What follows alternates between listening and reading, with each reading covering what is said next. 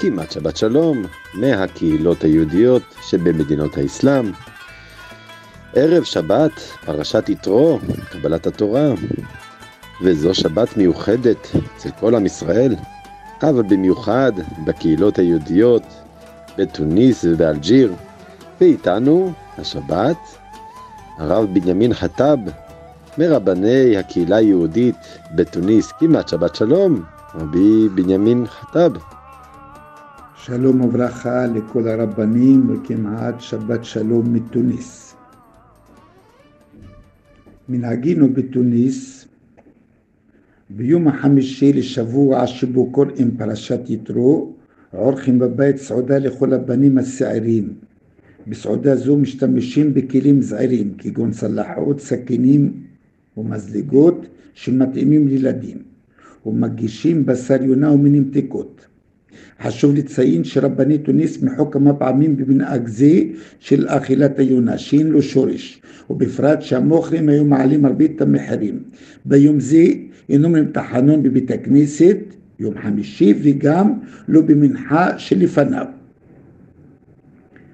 כמה טעמים נאמרו לסעודה זו על שם מה שכתוב בפרשה ויקח יתרו חוטין משה עולה וזבחים לאלוקים ויבוא אהרון לכל זקני ישראל לכל לחם עם חוטין משה לפני האלוקים.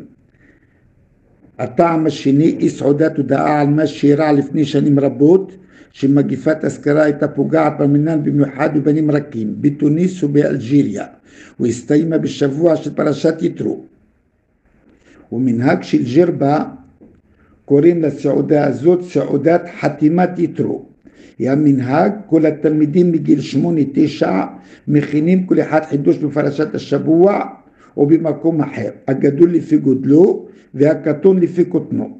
ומיום חמישי בערב אומר כל אחד חידושו, התלמידים מהרבנים בנוכחות כולם, ואחר כך עושים הסעודה הנזכרת לעיל ונמשכת עד הלילה. זה המנהג של פרשת יתרו.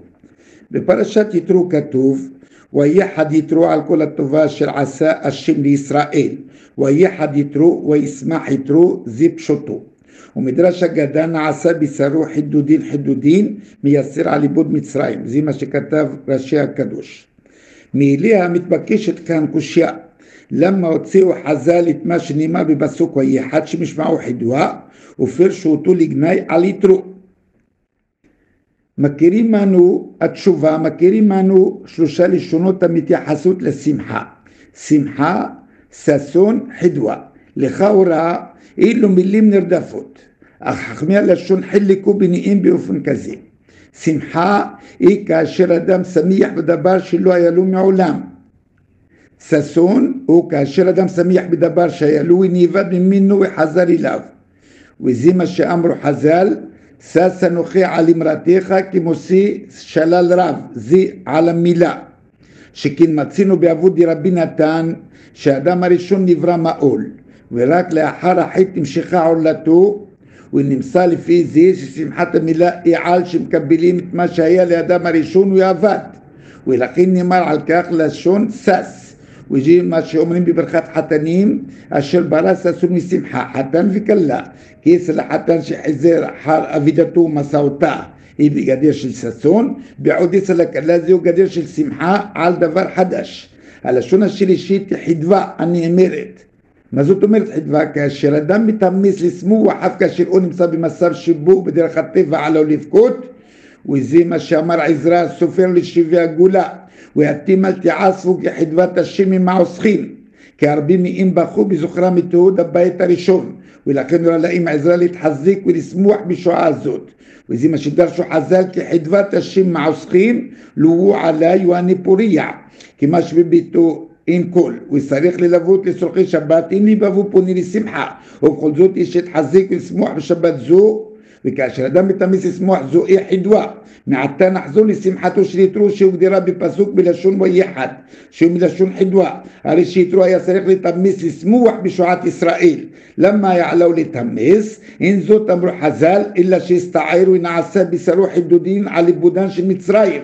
עד שכדי לשמוח על שועת ישראל נדרש ממנו להתאמץ יהי רצון בעזרת השם שבששון שמחה וחדווה של תורתנו הקדושה נזכי ותזכו לכל טוב שבעולם.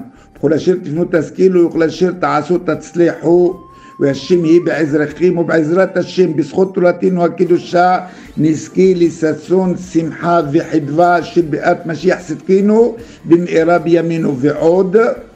שבת שלום בורך מתוניס. תודה רבה הרב בנימין חטב ושבת שלום לך ולכל הקהילה היהודית בתוניס למעשה הכנות טובות לקראת שבת, מתן תורה, לקראת השבת פרשת יתרו, השבת המיוחדת אצלכם, כמו שלמדנו מהדברים המיוחדים שנתת לנו.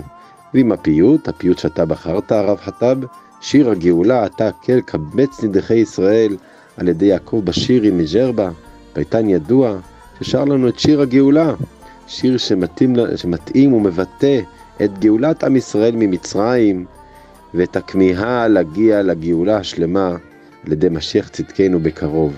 למעשה זה שיר שמתאים מאוד לשבת הזו, פרשת יתרו, מתן תורה, יהי רצון שנזכה אכן לראות את גאולת עם ישראל על ידי משיח בקרוב. שבת שלום ומבורך. علي عن رشي عطيرة علوم إنو لبا شمسي عيد السوسيني لونو ما أرسلنا عليك ويا تقرب أهلو أتاك